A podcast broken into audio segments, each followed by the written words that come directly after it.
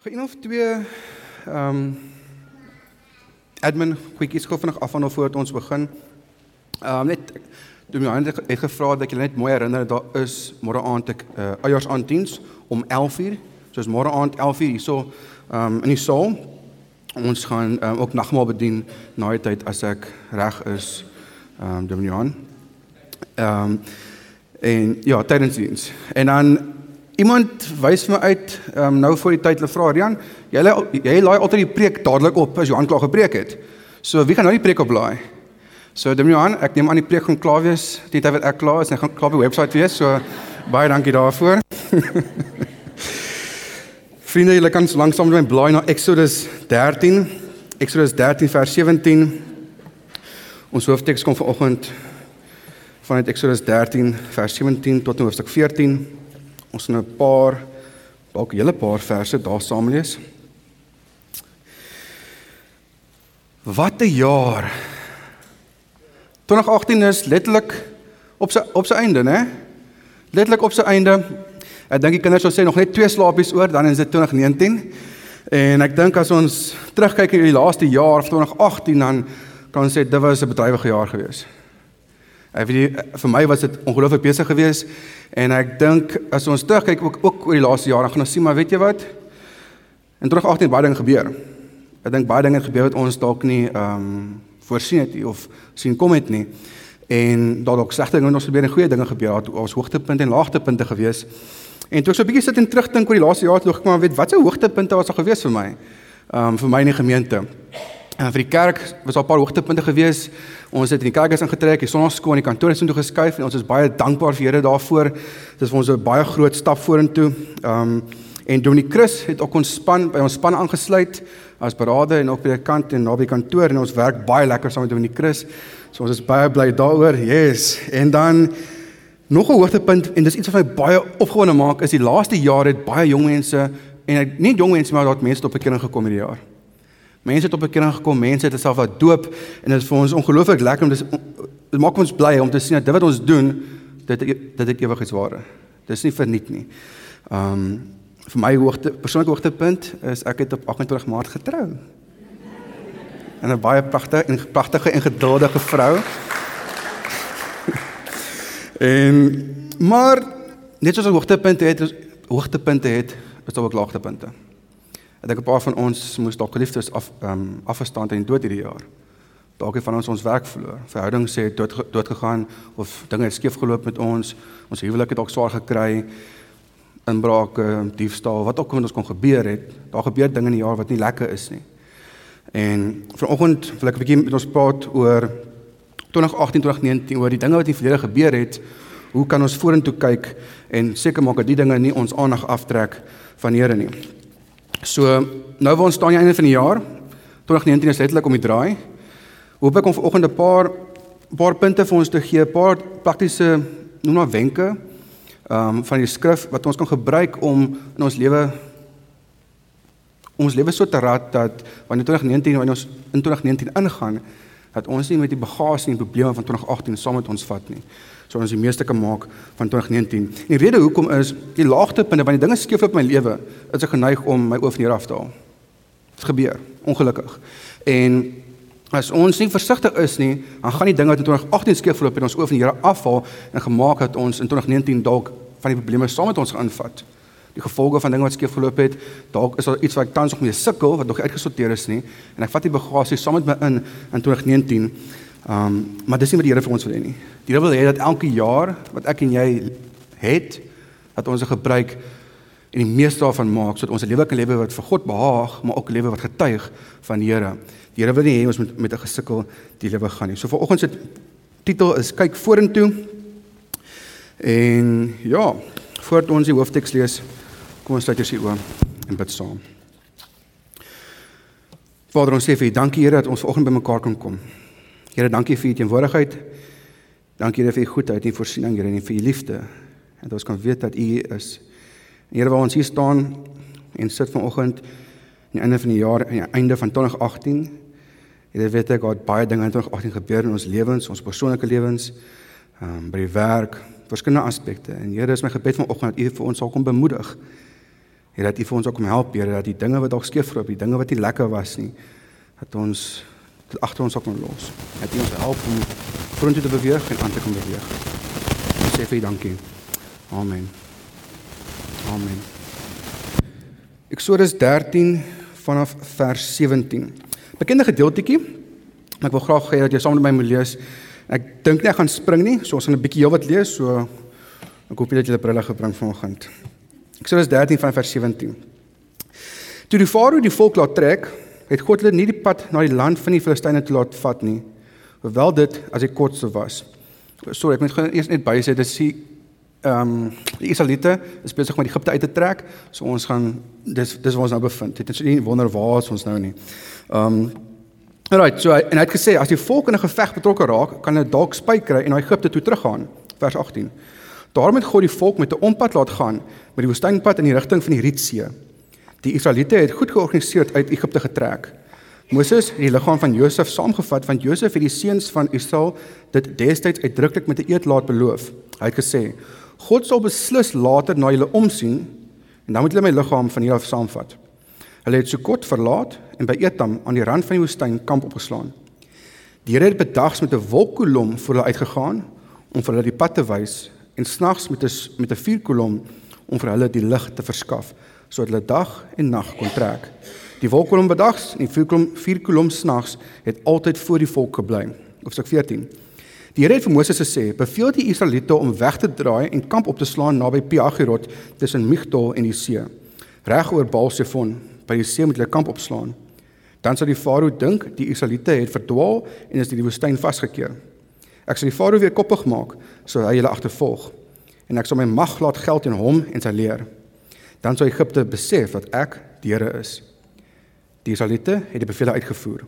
Toe die koning van Egipte die berig kry dat die volk vergoed weg is, het sy houding en die van sy amptenare reg teenoor die Israeliete verander. Die Egiptenaars het gesê: "Wat het ons aangevang dat ons die Israeliete laat trek het? Nou is ons hulle diens kwyt." Die farao het sy stytwaal laat inspann en sy leer saam met hom gevat. Hy het sy hy het sy 600 beste tydwaans gevat as ook al die ander Egiptiese tydwaans, elkeen met 'n met 'n elkeen met 'n bemanning van 3. Die Here het die Farao, die koning van Egipte, koppig gemaak sodat hy die Israeliete agtervolg het. Maar die Israeliete het onder die beskerming van God verder getrek. Die Egiptenaars het hulle agtervolg en al die tydwaans van Farao met bemanning en leermag het hulle ingehaal terwyl hulle terwyl hulle besig was om kamp op te slaan by die see naby Piagirot reg oor Baal-Sefon. Toe die farao nader kom, sien die Israeliete skielik die Egiptenaars sit hulle agterna. Hulle het baie bang geword en benoud na die Here geroep. Hulle het vir Moses gesê: "Is daar nie begraafplek in Egipte nie dat jy ons saamsleep om in die woestyn te sterwe? Wat het jy ons aangedoen dat jy ons uit Egipte laat trek het? Ons het jou mos in Egipte gesê om ons te laat staan dat ons vir die Egiptenaars werk. Dit is vir ons beter om vir hulle te werk as om hier in die woestyn om te kom." Vers 13 Maar Moses het die volk geantwoord: Moenie bang wees nie. Staan vas. Kyk hoe die Here julle vandag gaan red.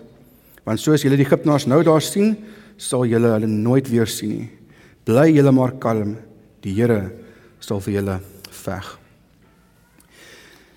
Hierdie teks wat ons nou vanoggend gelees het, is my baie kosbaar. En dit is ek was dit was lekker geweest met die liedjie, die laaste liedjie wat ons gesing het om die woorde te hoor waar ons sing hoe die rooi see en ons nie nie meer slawe is nie.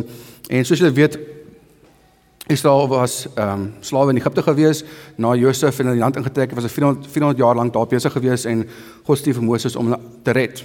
En hy red hulle nou uit slawerny uit. So die slawe slawerny ons sou sê dis 'n slegte situasie, né? Dis nie lekker om om 'n slaaf te wees nie. Maar wat my kosbaar is van die teks is God wys vir ons iets waar ons as mens tekort skiet. Die Israeliete het gemaklik geraak in 'n situasie as slawe. Weet jy wat, ek is 'n slaaf, ek het nie vryheid nie, maar ek is okay. Die omstandighede is lekker, maar ek's okay. En nou kom God en God beloof vir hulle iets beter. Hy wil hulle red. Hy kom en sê, "Hoorie, kom volg my." Hy doen 'n wonderwerk. Daar's 'n wolkkolom, daar's 'n vuurkolom wat vooruit trek en dit trek uit en hy's opgewonde en yes, alles gaan goed.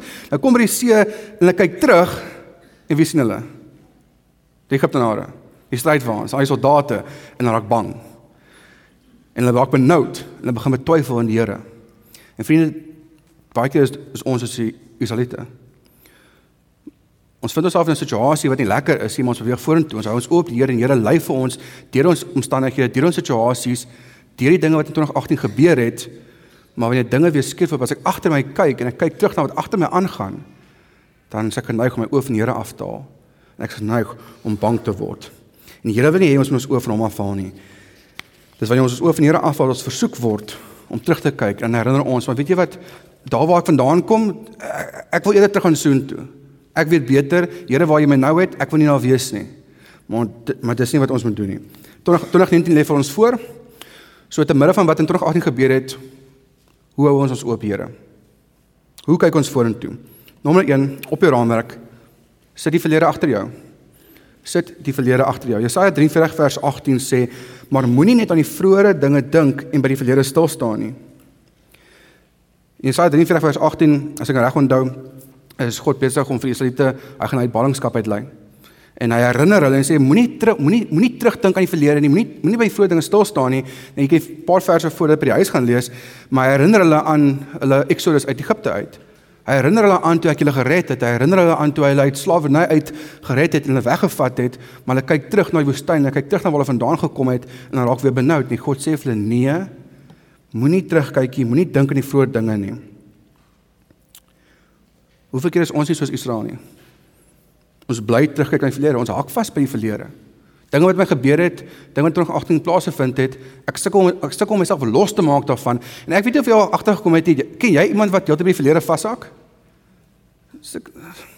Dis nie lekker om so 'n persoon te wees nie. Want al wat die persoon kan doen is om te praat oor die dinge van die verlede. Hy's die persoon is heeltyd negatief. Maak saak waar jy wil gesels nie, hy bring heeltyd dinge van die verlede op, dinge wat skeef geloop het, dinge wat sleg gegaan het, dinge wat mense aan hom gedoen het.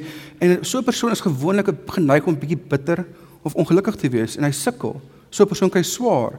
En die Here wil nie hê ons moet vashak by by die verlede nie en ek hoop nie dat ons dalk daai persoon is wat vashak by die verlede nie. Want as dit jy is, dan dan wil ek hê jy moet weet die Here kan jou vrymaak van die verlede. Hy wil hê ons moet die verlede agter ons sit. Ja. Die verlede is daar vir ons ook om daai te leer. Ons as ons terugkyk aan die verlede, dan moet ons kan sien, okay, wat het die Here vir my kom doen? Ek moet leer daaruit, ek moet ek moet leer my foute. Ons maak foute, ons leer daaruit. As ons nie ons foute uit leer nie, dan dan sê gaan ons 'n bietjie dwaas wees. Dan gaan ons weer dieselfde foute maak. Maar jy sien die verlede is soos 'n triespeeltjie in jou kar. My hand gebruik, ek dink eh, vroeër in die jaar met een van die reekse het hy gepraat dat die woord van die Here dit baak nie koers af vorentoe. Dit maak seker dat ons kar nie van die pad af gaan nie. So kom ons sê ek en jy het 'n kar. Dit is ons ons noem dit die lewenskarretjie. Okay?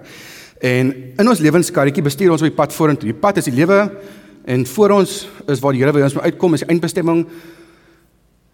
En agter ons is die verlede. Nou die tweespeeltjie wys vir my wat agter my aangaan. Dit wys my waar ek vandaan kom. My probleem is as ek heeltemal my oë op die tweespeeltjie gaan hou, wat gaan met my wat gaan met my kar gebeur? Wat gaan ek doen? Ek gaan van die pad af toe. Ek gaan verongeluk. Ek gaan die kar voor my vasstamp.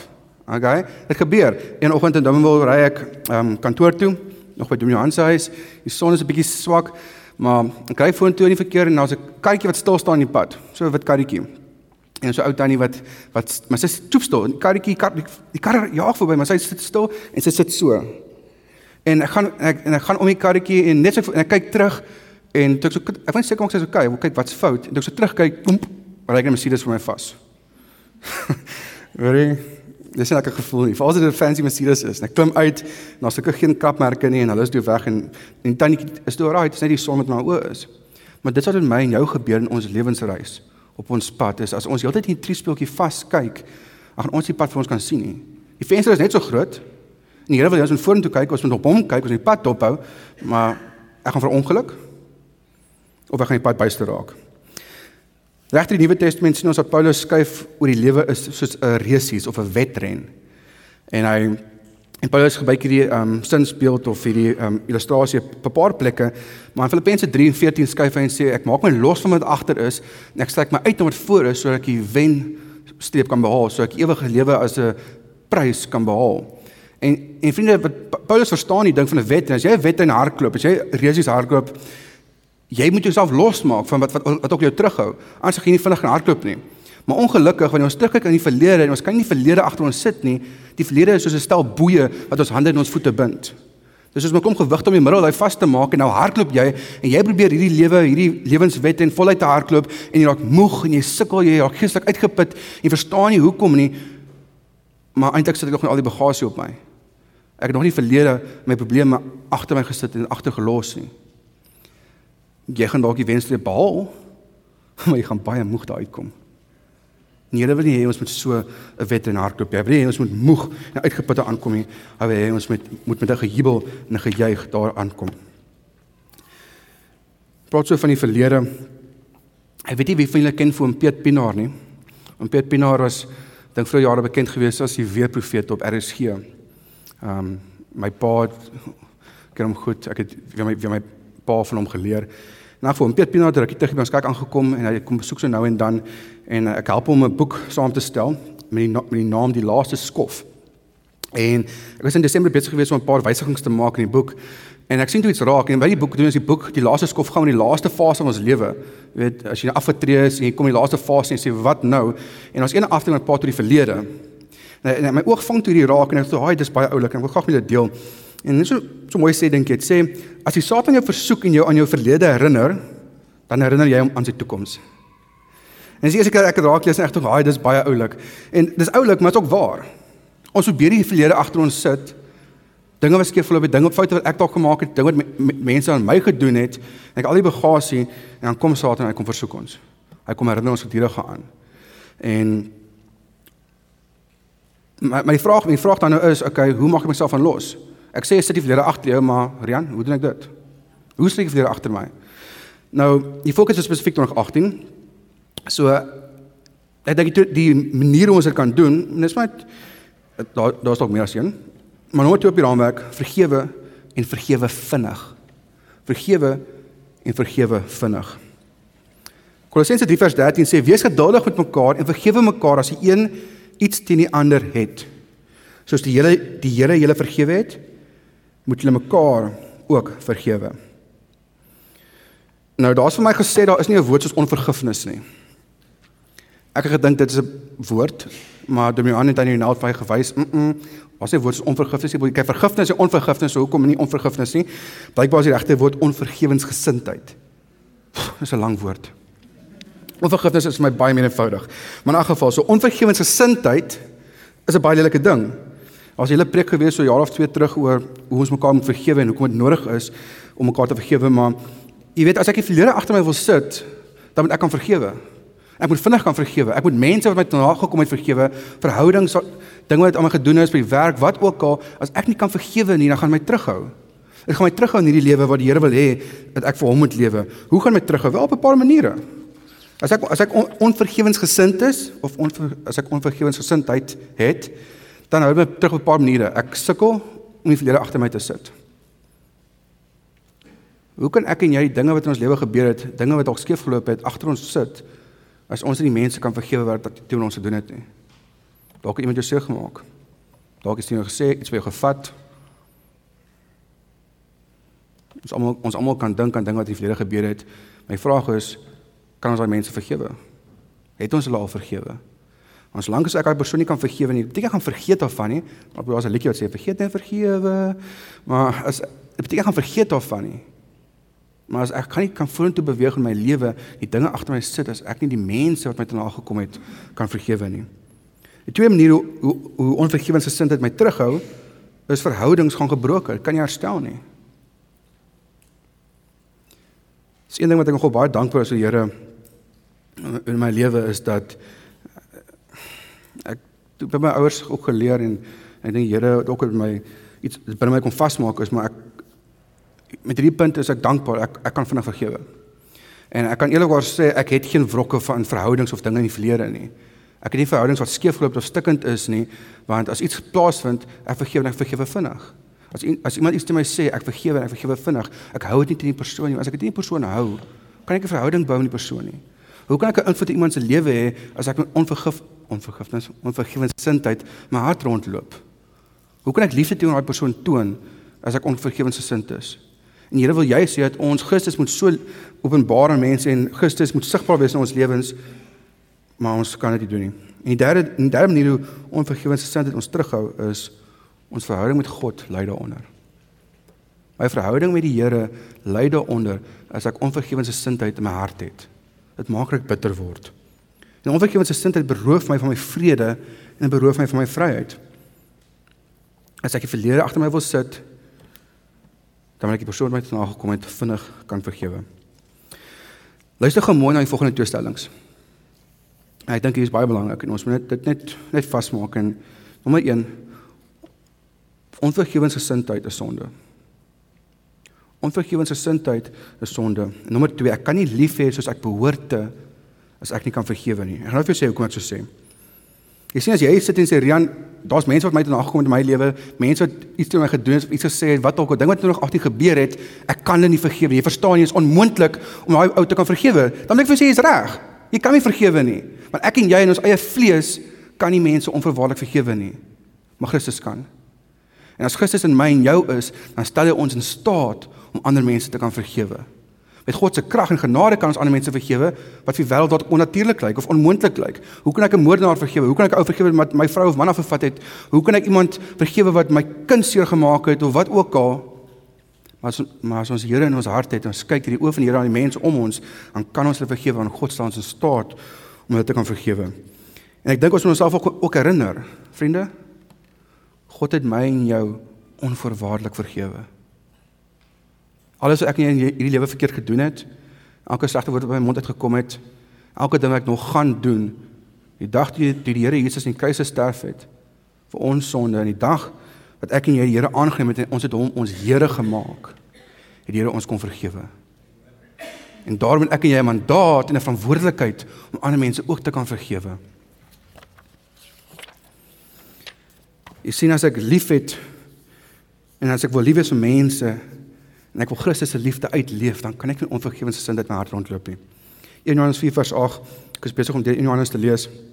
En ek die vers raak sien, dog ek, "Jo, hierdie vers het baie sterk impak." En in Johannes skryf en sê, "Wie nie liefhet nie, het geen kennis van God nie."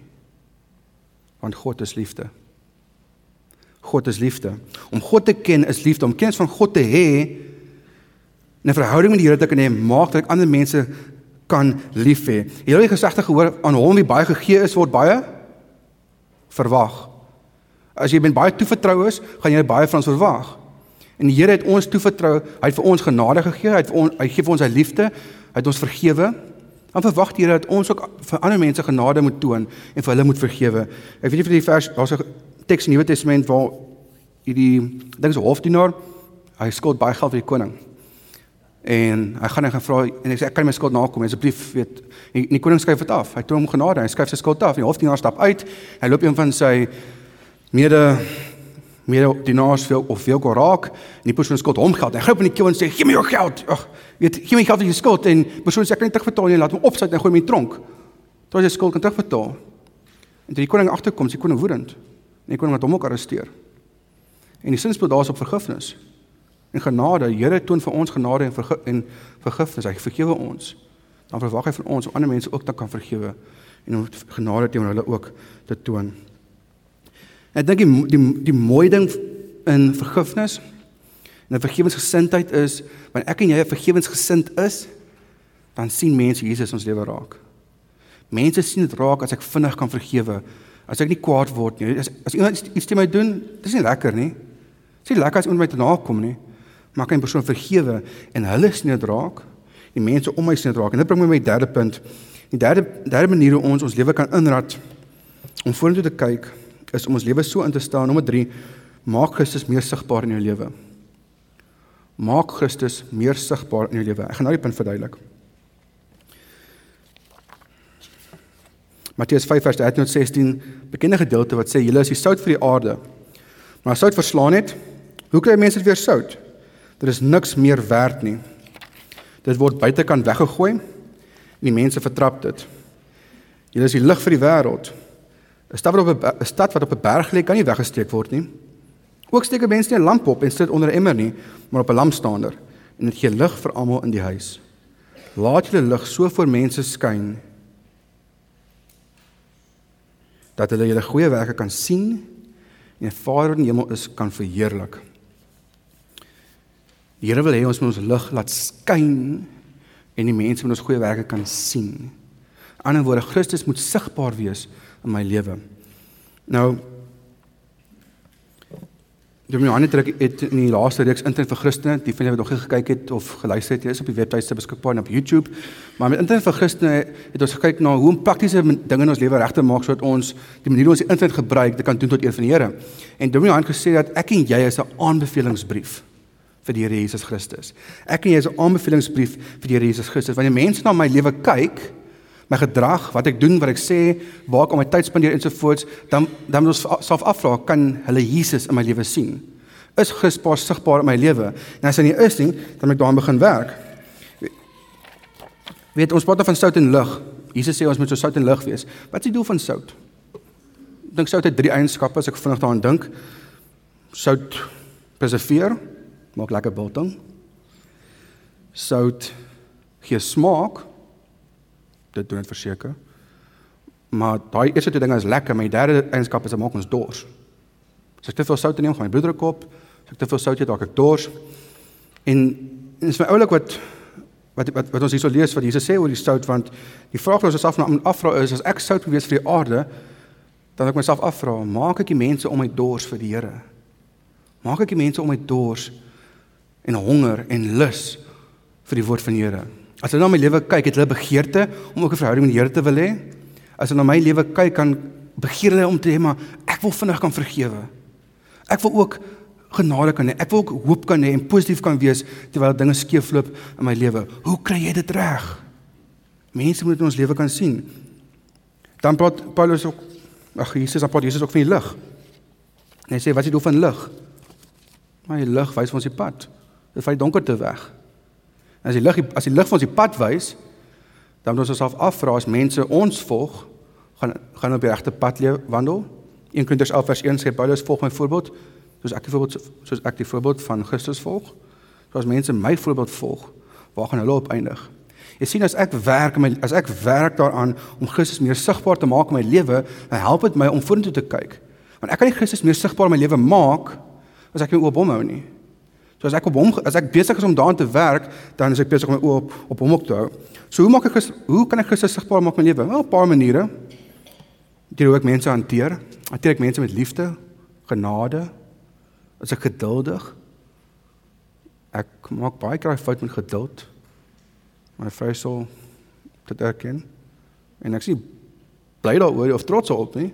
Maar ons maak hy foute. Ons moet werk daaraan.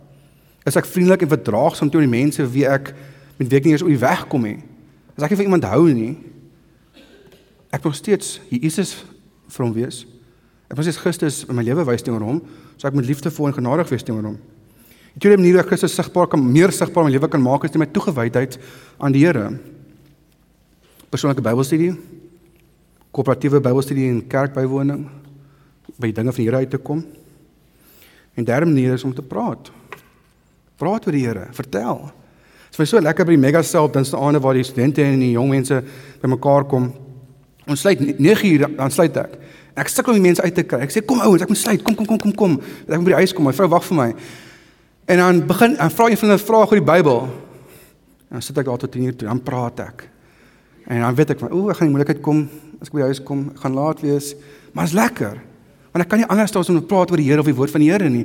En dit verskaf my soveel besiel om te weet die jong mense spandeer ook soveel tyd om te gesels oor die Here en weet jy ons kan waaklik kom. Is vir lekker by ouers se huis ook by vriende waaklik kom.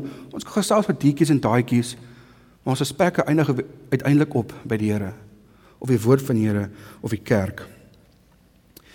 Jy weet in my eie lewe en of voor ek daarby uitkom. Een van die grootste maniere hoe die vroeë Christene gekenmerk was as Christene. En hoe hulle getuienis of hulle geloof uitgeleef het was deur samekomste van gelowiges. As iemand as iemand getuig het en gesê het ek is 'n kind van die Here, ek is 'n disipel van Christus, dan kon mense dit sien deur hulle wat weekliks en daagliks, weekliks gereeld bymekaar gekom het. Hulle het mekaar nodig gehad. Dis dis nie vir nie dat Paulus vir ons leer hoe die liggaam en die liggaam weet al die dele van die liggaam is nodig nie.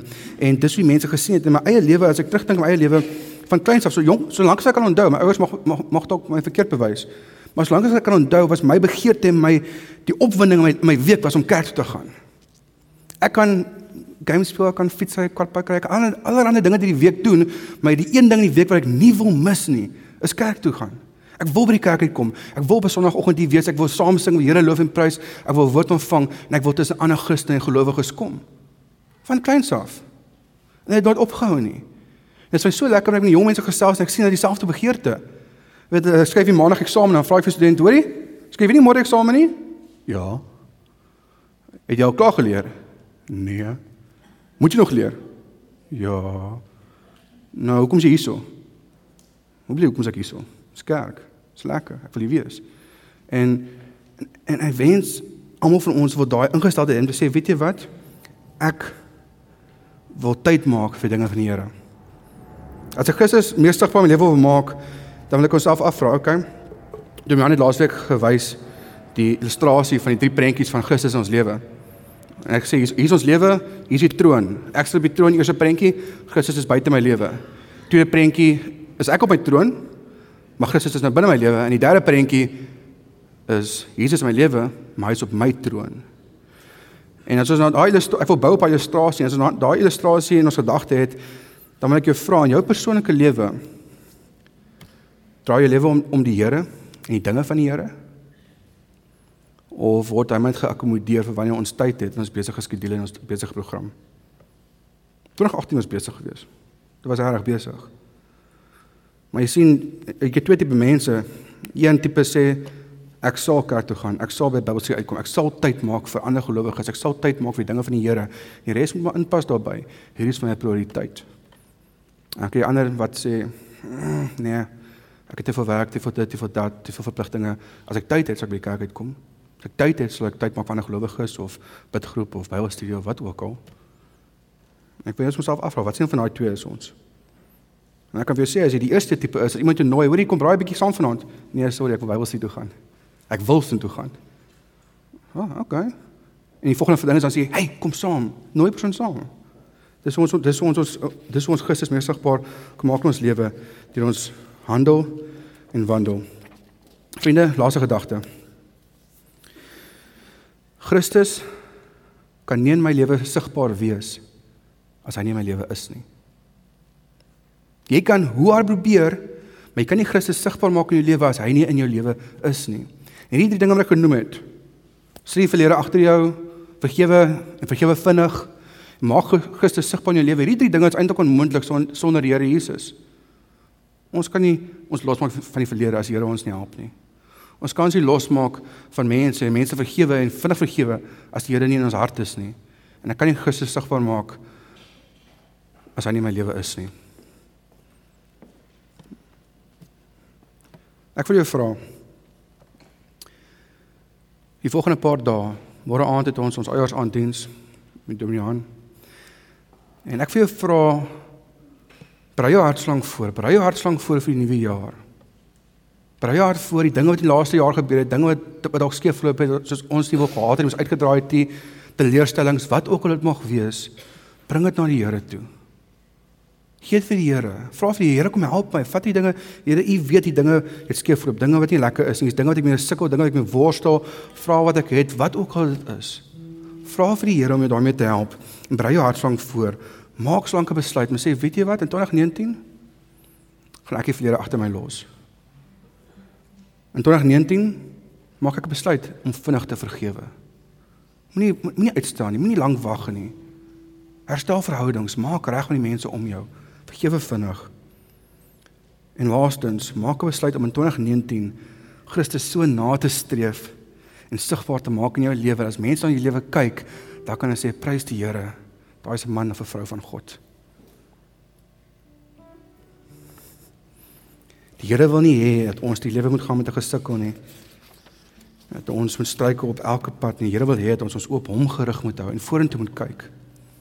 Sodat ons elke jaar wat ons kyk, wat 2018, 2019 of 2020 is, dat ons met soveel ywer en passie kan lewe dat ons getuienis vir Here kan wees. En as mense in ons voetspore volg, dat hulle ook by die kruis van Jesus sal uitkom. Kom ons sluit die oë. Vader, ons sê vir U dankie Here dat ons kan weet dat U ons liefhet, Here. Dankie dat ons weet dat U genade vir ons genoeg is.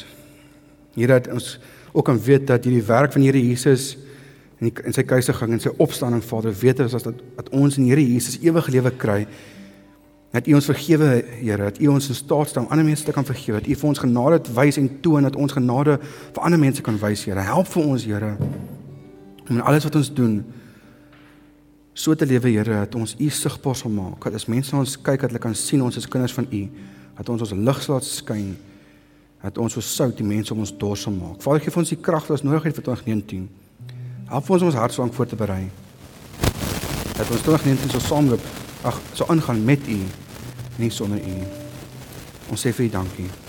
Amen